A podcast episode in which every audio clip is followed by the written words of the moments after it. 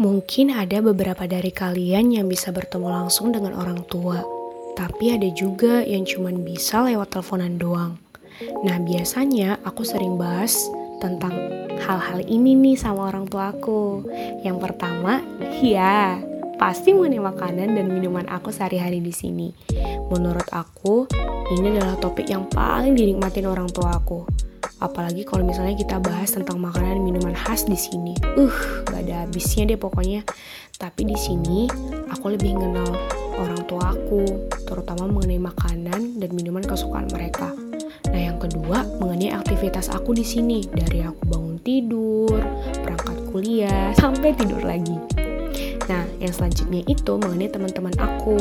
Menurut aku sih, cerita tentang teman-teman aku ke orang tua itu bisa buat mereka lega karena apa? Mereka beranggapan kalau anaknya ini bisa bersosialisasi dengan baik.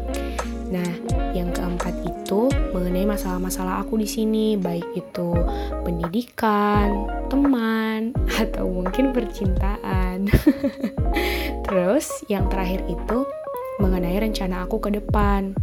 Ya, walau bagaimanapun, restu orang tua itu merupakan hal yang penting untuk kelancaran jalan yang kita ambil mungkin itu aja. See you and thank you.